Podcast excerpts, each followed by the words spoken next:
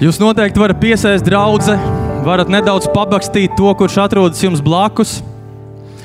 Un jāsaka, ka no šejienes jūs izskatāties diezgan brūni.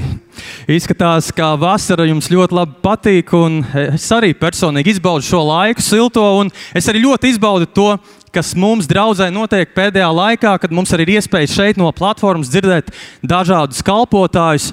Es pats ļoti baudīju no tā, kā pagājušā reizē Walters un Ojārs mums kalpoja. Un es esmu pateicīgs mācītājiem, kad viņi ir devuši iespēju arī man šodien kalpot un būt par svētību jums. Nu, ko nevilkšu garumā, ķersimies klāt. Es aicinu jūs atvērt Pāvila vēstuli romiešiem 12. nodaļu un izlasīt no 1. līdz 2. pantam. Es lasīšu no jaunā tulkojuma, un tas nav tāpēc, ka es kalpoju jauniešiem, bet man liekas, ka ir interesanti kādreiz paskatīties uz jau pierastām lietām. Un es domāju, ka šī raksturvieta ir tāda, ko daudzi no jums jūs noteikti zināt no galvas, paskatīties to no citiem vārdiem, jo bieži vien pierastais tā kļūst ļoti unikāls. Es jūs aicinu, brāļi, Dieva apžēlošanās dēļ, nododiet sevi pašus Tā ir jūsu apzinīga kalpošana Dievam, kā dzīvu, svētu un Dievam tīkamu upuri. Netopiet šim laikam līdzīgi, bet pārvērtieties, atjaunodamies savā prātā, lai jūs varētu izprast, kas ir Dieva griba, to, kas ir labs, tīkams un pilnīgs. Mēs dzīvojam laikos, mēs dzīvojam tādā pasaulē, kura mums māca domāt par sevi domā par sevi. Domā par savu labsajūtu, domā par savu izdevīgumu, domā par savu ieguvumu, domā par savām sajūtām, kā tu jūties, vai viss ir labi, vai dievkalpojums norit tieši tā, kā tu to esi iecerējis, vai tev patīk sludinātājs, kurš šobrīd sludina. Domā par sevi, domā par savu karjeru, domā par to, ko tu iegūsi Un bieži vien, ja mēs var, ar tādu pasaules domāšanu pieķeramies Dieva vārdam, mēs varam būt pamudināti sākt lietot tikai tās raksturvietas, kas mums patīk, kuras atbalsta mūsu dzīvesveidu, domāšanu, sajūtas. Un bieži vien cilvēki var izraut no konteksta kādas konkrētas raksturvietas un tādā veidā pat attaisnot savu nekristīgo dzīvesveidu. Bet te ir Pāvils kurš 11 nodaļas romiešu vēstulē runājas par to, ko Kristus ir izdarījis mūsu dēļ. Ka Kristus mūs ir atpircis no grēka, Viņš mūs ir izrāvis ārā no tumsas varas. Pāvils ir 11 nodaļas sludinājis evaņģēliju un sīki izskaidrojis, ko tas nozīmē. Viņš ir teicis, ka ja mēs paļaujamies uz saviem darbiem, Mēs esam nolemti pazušanai, jo mēs visi esam grēkojuši, un grēka alga ir nāve. Bet tikai caur Kristu mēs varam iemantot mūžīgo dzīvību. Viņš 11 nodaļas sīki un smalki par to ir runājis. Un tagad viņš saka, nododiet sevi pašus viņam, kā dzīvu, svētu upuri. Atdodiet sevi, nolieciet malā sevi, nedomājiet par sevi. Jūs neesat centrā, Kristus ir centrā. Kristietība tā nesākas šajā dievkalpojumā, un tā arī nebeidzas šajā dievkalpojumā. Tā nesākas svētdienā un nebeidzas svētdienā. Kristietība ir mūsu izvēle katru dienu no jauna nodot sevi Kristum, kā dzīvu, svētu, viņam patīkamu upuri un ar visu savu būtību uzticēties un sekot Kristum. Jēzus kādā vietā teica, ja tu gribi man sekot, tad aizliedz sevi, ņem savu krustu un seko man. Un es domāju, ja mēs ar tādām kristiešu acīm raugāmies uz Dieva vārdu, mēs zinām, ka tas ir pats Dievs, kas ir sarakstījis šo mums. Tā ir viņa rakstīta vēstule mums, tā ir viņa dota ceļa karte mums, mūsu dzīvēm. Un, kad mēs lasām Dieva vārdu, mēs zinām, ka Mēs neesam aicināti paņemt Dievu vārdu un pielāgot to savām dzīvēm, bet mēs esam aicināti savas dzīves pielāgot Dieva vārdam. Jūs noteikti esat bijuši savā dzīvē tādās situācijās, kur jums šķiet, ka jūs rīkojaties pareizi. Ka tas, kā jūs darat konkrēto lietu, ir vislabākais veids, kā to darīt. Bet tad, kādā mirklī jūs sastopaties ar to, ka jūs esat atsitušies pret kādu sienu un sapratuši, ka nekāda rezultāta nav, un būtu bijis labāk paprasīt tomēr padomu kādam gudrākam cilvēkam, vai vismaz izlasīt instrukciju vai ko tam līdzīgu. Ziniet, mēs esam ļoti tādi sportiski draugi. Es zinu, daudz šeit ir sportisti, aktīvi. Noteikti varat man pamāt ar roku, kur tie, tie ir. Nebaidieties, nebaidieties, vēl ir. Un, ziniet, daudz no jums pusauģu vecumā jūs noteikti esat daudz trenējušies arī jaunībā. Un arī es tāds biju 4-5 reizes nedēļā futbola treniņi, tad uh, treniņu nometnes, dažādas sacensības, uh, spēles. Un, Tas bija ļoti aktīvi, brīvais laiks pagāja sportā. Bet, ziniet, Tad, kad es eh, sāku aizvien mm, vairāk eh, ieiet šajā pieaugušā dzīvē, augstskola un tam līdzīgi, man palika aizvien mazāk un mazāk laika, ko es varu veltīt tam sportam. Un sapratu, ka man ir vajadzīgs kāds sporta veids, ko es varu darīt tā vienkārši uzvilku kurpes un uzreiz, kā aizēju no mājas, sāku to darīt. Un es izdomāju, hei, es varētu skriet. Un es sāku skriet, un es sapratu visai ātri, ka man iepatīkās to darīt, un kā es mācēju, to es darīju. Un, lai man būtu papildus motivācijas, pieteicos arī kādās uh, sacensībās, bet visai ātri es sapratu vienu lietu, ka es atduros pret kādu konkrētu slieksni, rezultātu ziņā, un viss. Augstāk vairs neiet. Es kā trenējos, kā daru, bet rezultātu nav. Un īstenībā pat reizēm sajūta, ka paliek sliktāk. Es domāju, ka kaut kas ir jāmaina. Es izdomāju, es pasūtīšu skriešanas grāmatas, sākšu rakņāties pa programmām. Un, ziniet, es uzzināju, ka tev nav katru reizi jāskrien obligāti vienā tempā. Tev nav katru reizi obligāti jāizspiež maksimums konkrētajā treniņā. Ir treniņi, kad tu skrien lēnām, ir treniņi, kad tu skrien ātri, ir treniņi, kad tu maini tempu skriešanas laikā. Ziniet, bija tādas reizes, kad man palika tā kā man bija jāiet, skriet, man bija šī programma, es viņu pildu, bet man ir tā kā grūti un man negribas. Man negribas to vairs darīt. Man sajūta, sajūta saka, paliec mājās, bija gara darba diena. Šodien nē, izlaid, bet es saprotu, ja es izlaidīšu, man vajadzēs nākamajā dienā to visu piedzīt. Nē, es eju ārā. Es izēju ārā, es sāku skriet, es saprotu, bāc. Nav tik traki. Patiesībā manas kājas nemaz nav tik smagas.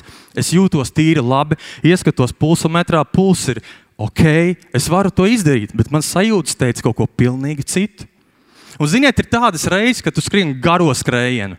Un garā skrējienā to parasti paliks grūti, sāks kaut kas sāpēt, iespējams, vēders sagriezīsies, paliks slikti, gribēs vēmt. Un visas tavas domas, visas tavas iekšējā balss teiks, izstājies, beidz, tev vairs nevajag to.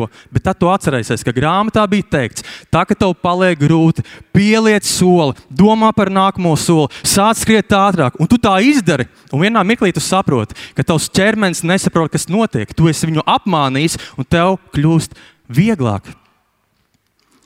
Un tad jau tālāk tas viss ir atkarīgs no tevis paša, no kāda ir tava mērķa, kādas ir tavas prioritātes, ko tu gribi tajā sasniegt. Nu, labi. Es zinu, ka daudziem sports nebija mīļākais priekšmets skolā. Patiesībā es domāju, ka ļoti daudz to ienīda un domāju, ko es te varu tik daudz par to runāt.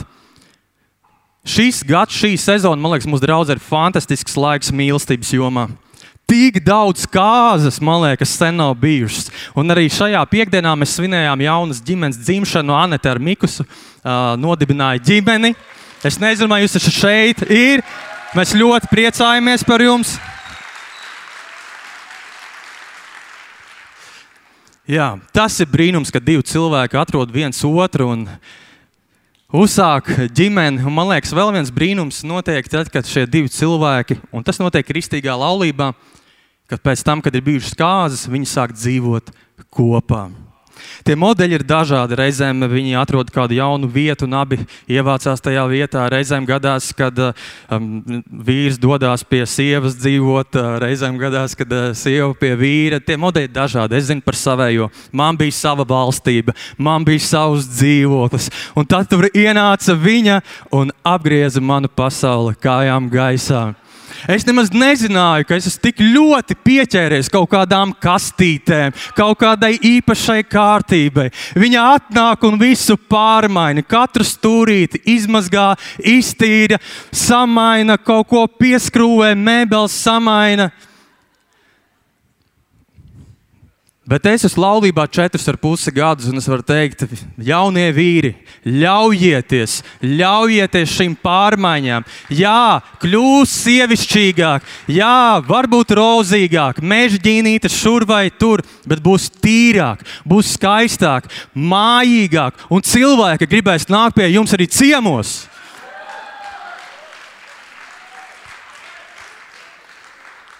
Un es tā domāju. Mēs esam gatavi mainīt un pielāgot savu dzīvi kaut kādām skriešanas programmām, lai sasniegtu rezultātus. Mēs esam gatavi mainīt savu uzturu, lai dabūtu sešpaku, lai nodzītu kādus kilogramus. Mēs esam gatavi pielāgoties, lai vienkārši uzlabotu attiecības ar cilvēkiem un nezinu, sasniegt kādus mērķus savos hobijos un tā tālāk un tā joprojām. Bet mans jautājums tev šodien ir, vai tavs sirds ir pietiekami atvērta un maiga, lai tu mainītos mūsu varenā Dievu priekšā, pielāgot savu dzīvi viņa vārdam, nevis viņa vārdu savai dzīvei.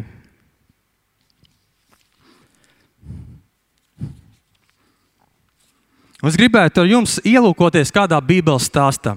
Patiesībā tas ir viens no maniem pašiem mīļākajiem stāstiem Bībelē, un tas ir stāsts par to, kā Pāvils piedzīvoja Jēzu. Ja tajā laikā mēs viņu gan vairāk pazinām pēc vārda Sauls. Un kāds bija Sauls? Viņš bija farizējs no visiem farizējiem.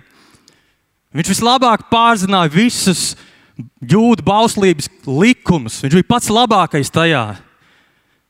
Es domāju, ka bieži vien viņš mājās varbūt pie spoguļa dziedājies, esmu labs, nav neviena pār mani labākā.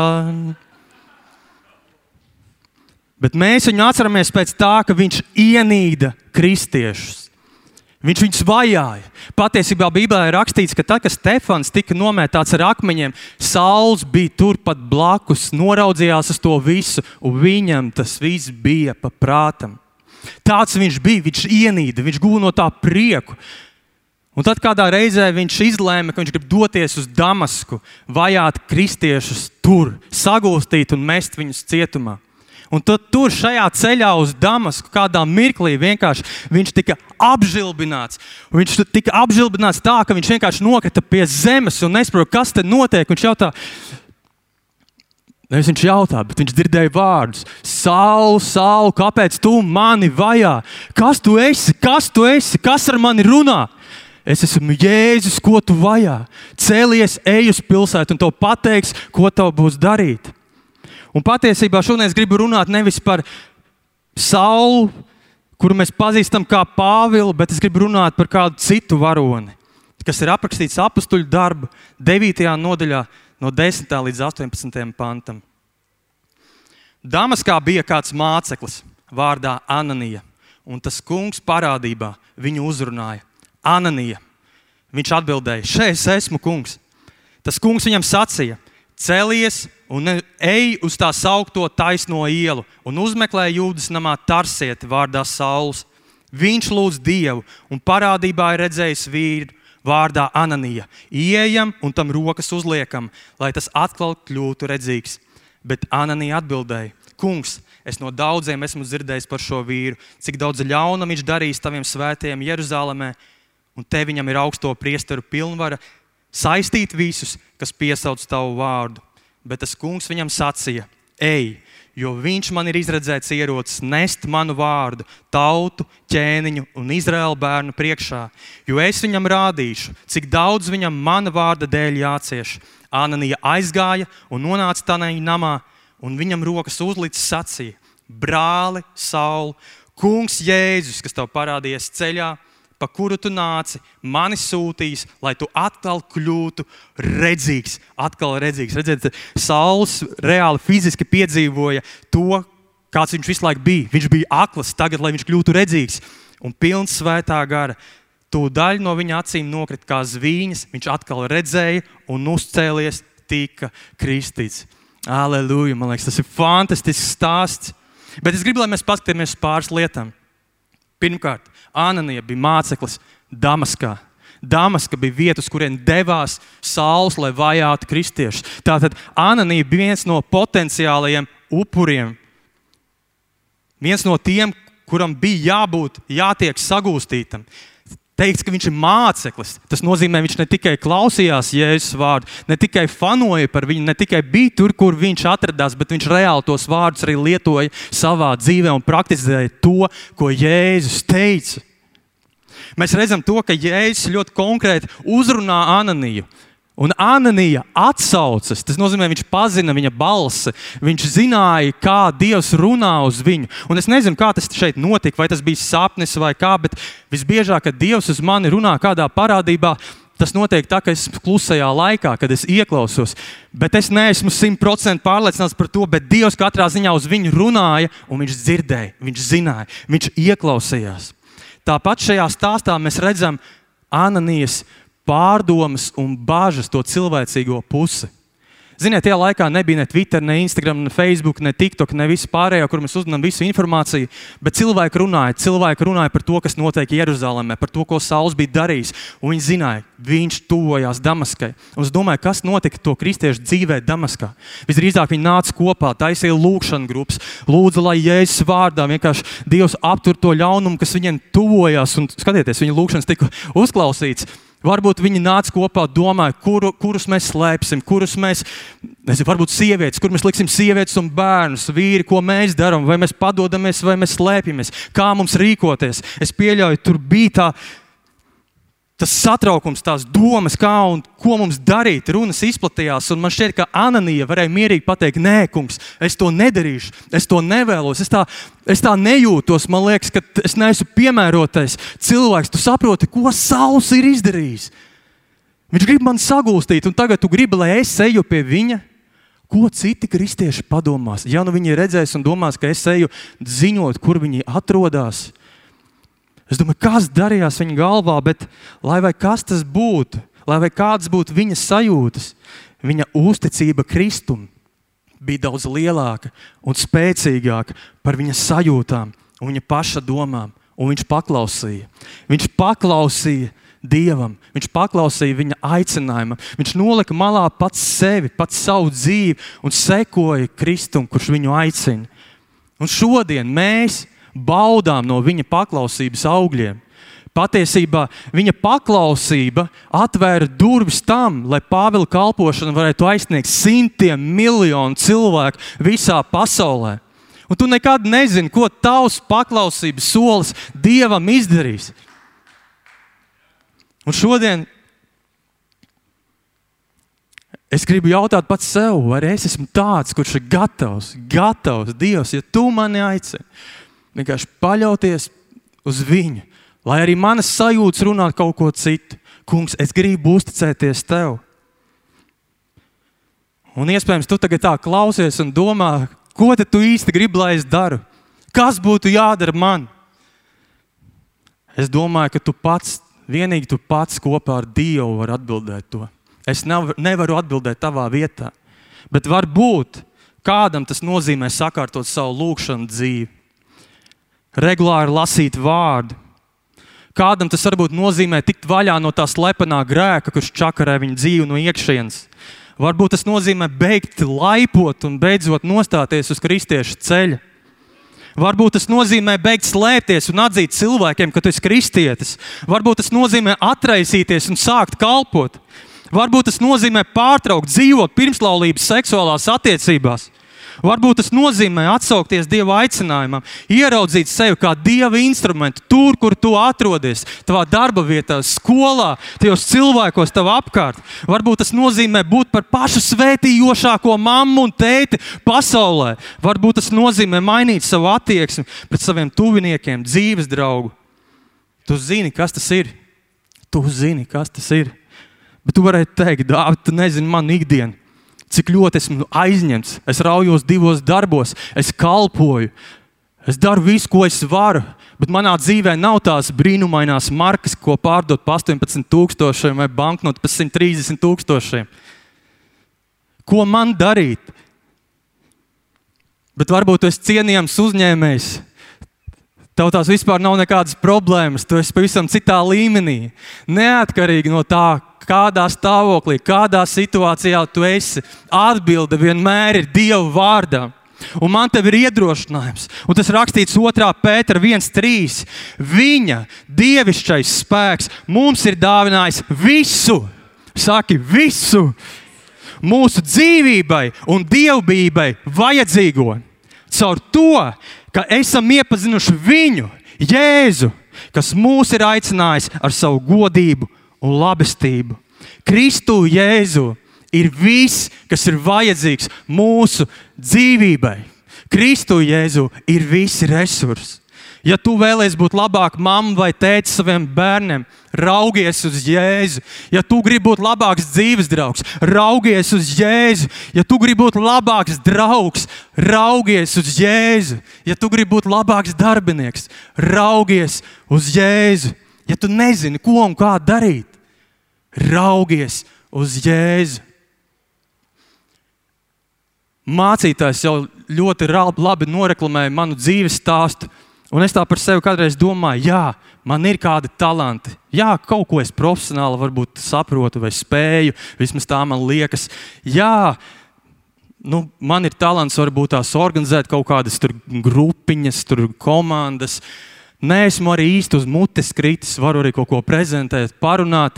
Un es tā domāju, tie mani tie talanti, spējas izskatās pēc tāda necila šveices nazīša ar pāris funkcijām. Un es tā domāju, vai tas ir gudri uzticēt visu savu paļāvību par savu šodienu, par savu nākotni šim necilajam šveices nazītim. Vai iedot šo šveices nazīti pašam radītājam, ielikt viņa rokās, lai viņš darbojās ar to. Tos manus talantus, tos manas spējas pavairos savam godam un savai slavai.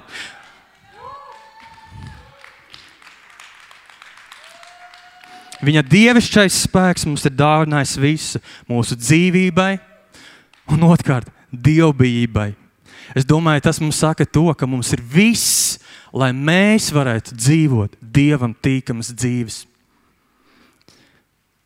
Caur Jēzu, caur Jēzu mēs varam dzīvot svētu dzīvi. Tikai caur Jēzu mēs varam piepildīt savu aicinājumu. Tikai caur Jēzu mēs varam būt reāli, dzīvi, ugunīgi, dedzīgi kristieši. Tikai caur Jēzu mums ir dots viss, lai mēs nedzīvotu grēkā, bet lai dzīvotu uzvarā. Vienu vakaru mēs ar draugiem bijām Ziedoņdārzā. Un mēs redzējām, tur kādu mazu kompāniju, trīs cilvēkus. Viņi izskatījās pēc hipijiem. Visiem tur gara mate, divas bija meitenes un viens bija puisis. Un mēs domājam, jāiet pie viņiem parunāties. Un es neteiktu, ka tā bija tāda tipiska evanģelizācija. Jo mēs vairāk runājam par viņu to garīgo redzējumu, uzklausījām viņus, bet tajā pašā laikā mēs arī pasludinājām viņiem evaņģēlīju. Bet jā, tur bija šie trīs jaunieši, un viņi izteica to populāro domu, kas šajā pasaulē virmo apkārt. Hei, mēs varētu paņemt kaut ko no Jēzus, mēs varētu paņemt to labāko no kristietības, mēs varētu paņemt to labāko no budisma, to labāko no islāma, to labāko no krišņām, to labāko no pielietas klāt no ezotērikas, no numeroloģijas, paņemt visu to labāko un to lietot. Bet tā tas nedarbojas. Ja tu izvēlējies sekot Jēzum, ja Jēzus ir tavs kungs un glābējs, Tev nav nekas jāpievieno viņam klāt. Viņā ir viss, lai tu būtu laimīgs. Viņā ir viss, lai tev būtu miers. Viņā ir viss, lai tev būtu prieks. To nav jāmeklē citās grāmatās. Un pat ja vienīgā grāmata tavā dzīvē, ko tu jebkad esi lasījis un izlasījis, ir Bībele, tur ir viss, kas tev ir vajadzīgs. Un šodien es jautāju tev un sev, vai tu esi gatavs pielāgot savu dzīvi Dieva vārdam, ļaut, lai Viņš veido no tevis meistardarbu. Ielikt viņa rokās savu necilo šveices nazīti un ļaut, lai viņš ar to darbojas. Halleluja! Kungs, mēs pateicamies Tev, ka Tu esi mūs aicinājis, ka Tu esi mūs izredzējis. Kungs, paldies Tev, ka Tu mūs aicini, labprātīgi aicini, nodot savas dzīves Tev, kā dzīvu svētu un Tev patīkamu upuri. Kungs, mēs lūdzam par to. Lai mēs tādi būtu, ka mēs vienmēr būtu atvērtām sirdīm, sekot tev, Kad vien tu aicini, kā tu aicini, ļauties tavam vārdam, lai tas izdara tās izmaiņas mūsu dzīvēm, ko tu esi iecerējis. Halleluja, kungs, mēs gribam būt tie, kas uzticās tev pilnībā, katrā solī, Jēzus vārdā, un kas bauda, kā tavs dievišķais spēks dod mums visu dzīvībai un dievbijai vajadzīgo. Amen! Aleluja! Paldies Dāvim! Slavu Jēzum! Nu, draugi, tas bija augstspiediena mazgātājs. Tas gan samērcēja, gan izsit no tiem kaut ko ārā, gan nolika uz strīpas atkal un atspirdzināja. Slaudiem par tādu vārdu. Jā. Man ir jāpārņem, bet, zinot, nu, tāds ir tas dievkalpojums. Mums tādas divas daļas. Es gribētu teikt, tev ir, ja tu esi tā kā mācītājs pieteicis, kas esmu pagājušā gadsimta, tev vēl tas radio ir, kur, zini, viļņi bija jāķer, un tu tādu atceries. Tad, kad tev tas vilnis iet projām, tas tā skaņa nav tur skaita. Tu kā pagriez, o, atkal ir un mūzika skan un var saprast, ko viņš tur runā. Tie mūsdienīgākie varbūt ir surfotāji. Zini, tur surfa dēļ nevar pa jūru tā vazāties pa viļņiem. Tev apgāzīs, tev ir jānoķer vilnis. Ir kāds speciālisti mums te, mūsu vidū arī, viņi varbūt man varētu palabot. Bet, zini, tu nedrīkst tam vilnim uz paša gala tikt, tad tu būsi pārtu būs otrā pusē. Un nav jēga tur kaut kur zem tā viļņa būt. Tev ir jānoķer. Tev to spiedienu vajag, lai tu surfotu. Es kāpēc to saku? Līdzīgi ir dievkalpojumā ar mūsu sirdīm. Ja es teicu, kam ausis dzirdēt, tas lai dzird. Ko tas nozīmē? Ja tev ir tas radioaparāts un tas telē viņu tā, lai tu dzirdi, Ja tev ir surfa dēls, tad neej vienkārši jūrā un netēlo surfotāju. Nu, ķer to vilni, tev, tev ausis ir, tad dari tā, lai tu dzirdi. Tā kā paņem to vārdu, dāvāts to, ko runā. Es mazliet, varbūt tā kā turpinot, bet nu, jāatvainojas laikam ne, nedaudz citā virzienā. Bet, nu, zinot, cita virziena nav dievkalpojumā. Ir Dieva vārds. Jā, zinot, es runāt nedaudz gribēju no līdzības kādas no Mateja evaņģēlīja. Un vienas es iemācījos pa gadiem. Līdzībām ir līdzīgi principi. Tā ir kaut kāda tehnika un sistēma, kā Jēzus viņus mācīja un kā viņš viņus deva. Un nepavēlti viņš saka par to līdzību, kad viņš runā par četrām zemes augsnēm. Viņš izstāsta un viņš viņu izskaidro. Un, un vienu, ko viņš beigās saka, ja jūs šo līdzību nesaprotat, kā jūs pārējās sapratīsiet? Tas vien liecina par to, ka visām viņš nav devis izskaidrojumu, bet viņš ir devis kaut kādu principu, kā tas notiek. Un šī līdzība ir no Mateja Evanģelija 25. nodaļas, kur ir eh, atskanējusi diezgan bieži. Es domāju, esam par to domājuši, bet es gribētu šodien viņai pieskarties. Eh, es nelasīšu visu, varbūt tā laika dēļ, lai nekavētu laiku, bet pārstāstot šo līdzību ātrumā, tā ir līdzība no 1. panta, 25. nodaļā par eh, desmit jaunavām. Un, zinot, jau līdzības sākumā Jēzus stāsta šo līdzību. Viņš jau sākumā pasaka, piecas ir ģeķīgas un piecas ir gudras. Iedomājieties, ja viņš nevis izstāsta, un viņš nevis secinājumus tur izdara, bet viņš saka, ir tādas. Un tad viņš stāsta šo līdzību. Un parasti tā, ja mēs sākam tā runāt un šo līdzību lasīt, un ja paprasīt, nu, kur tu esi jaunā, tad loģiski tu atbildēsi. Nu, kā tu vari būt ģeķīgs? Tu taču neesi ģeķīgā, tu taču esi gudrā. Bet tad, ja es stāstu šo līdzību, it kā runā par tām lietām, un visas šīs lietas it kā sakrīt tam jaunavām.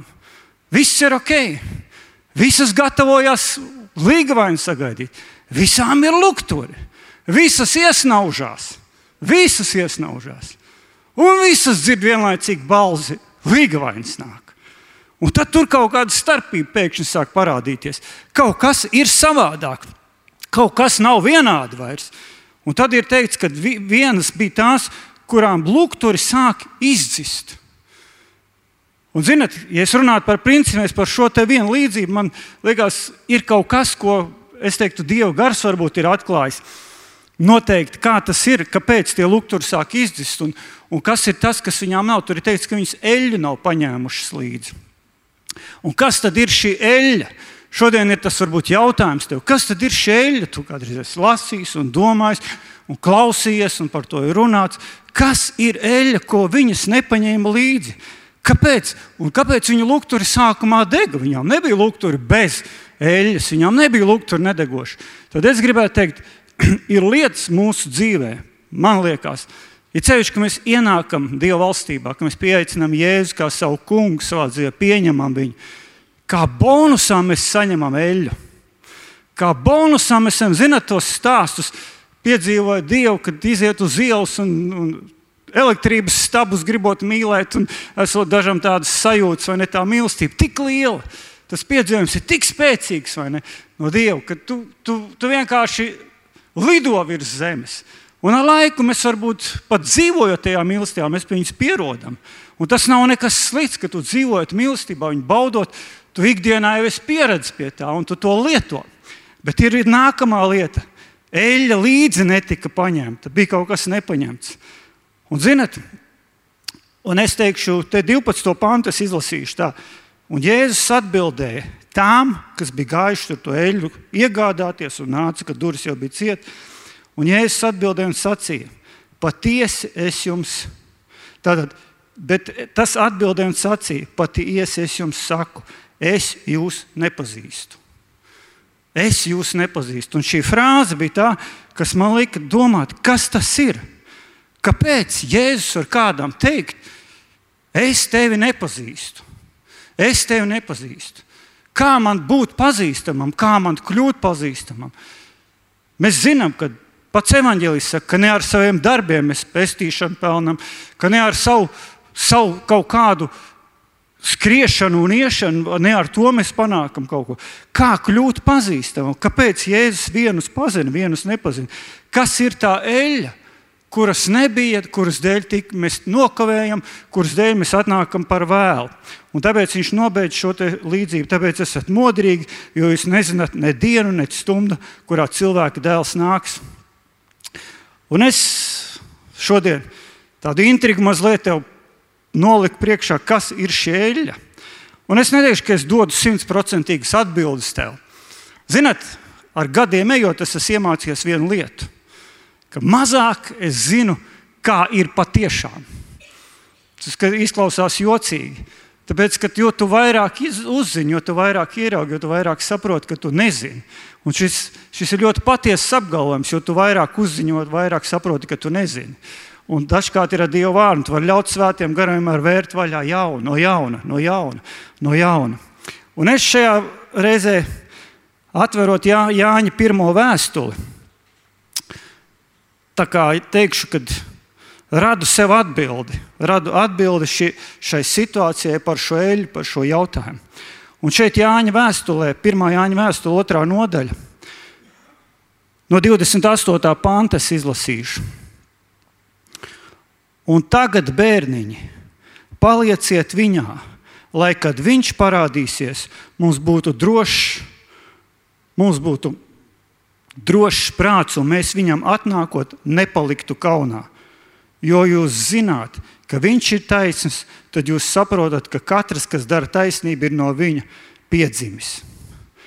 Vispirms šeit Jānis saka jau, viņš saka, palieciet viņā, jo kad viņš parādīsies, mums būs drošs prāts, un mēs viņam atnākot, nepaliksim kaunā.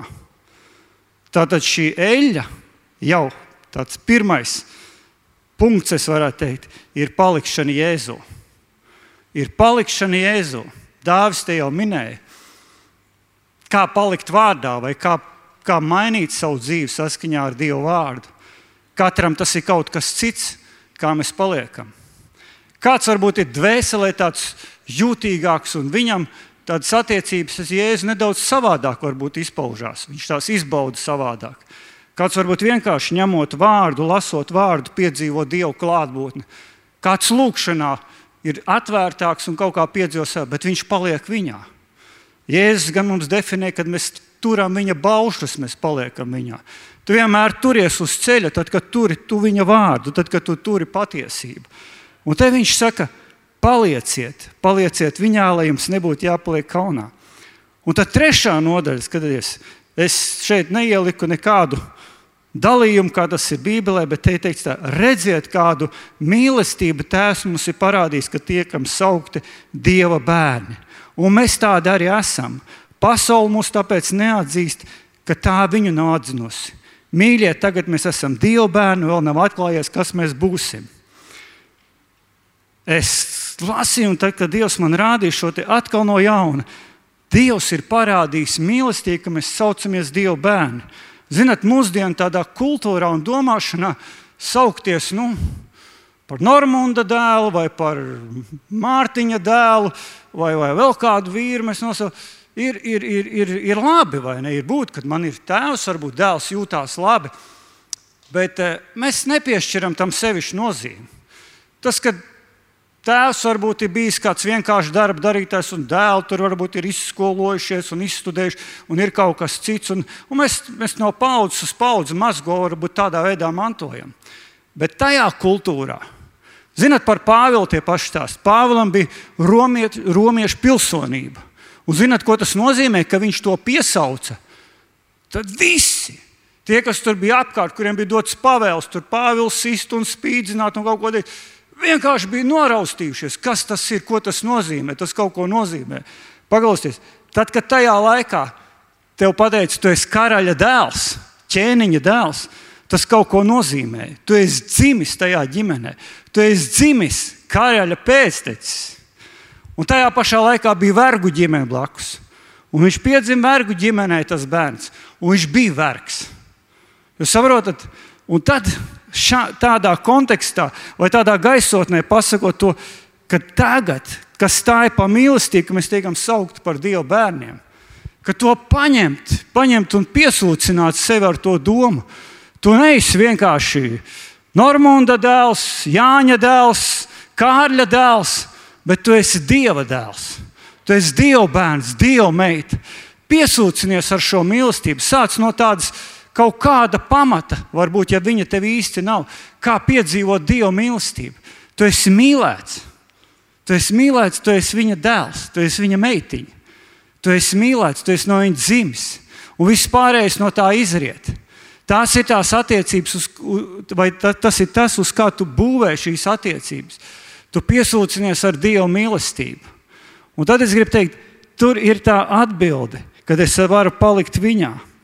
Un tāpēc te teica, ka pasaule mūs neatzīst, jo tā nav viņu atzinusi. Tu esi savādāks.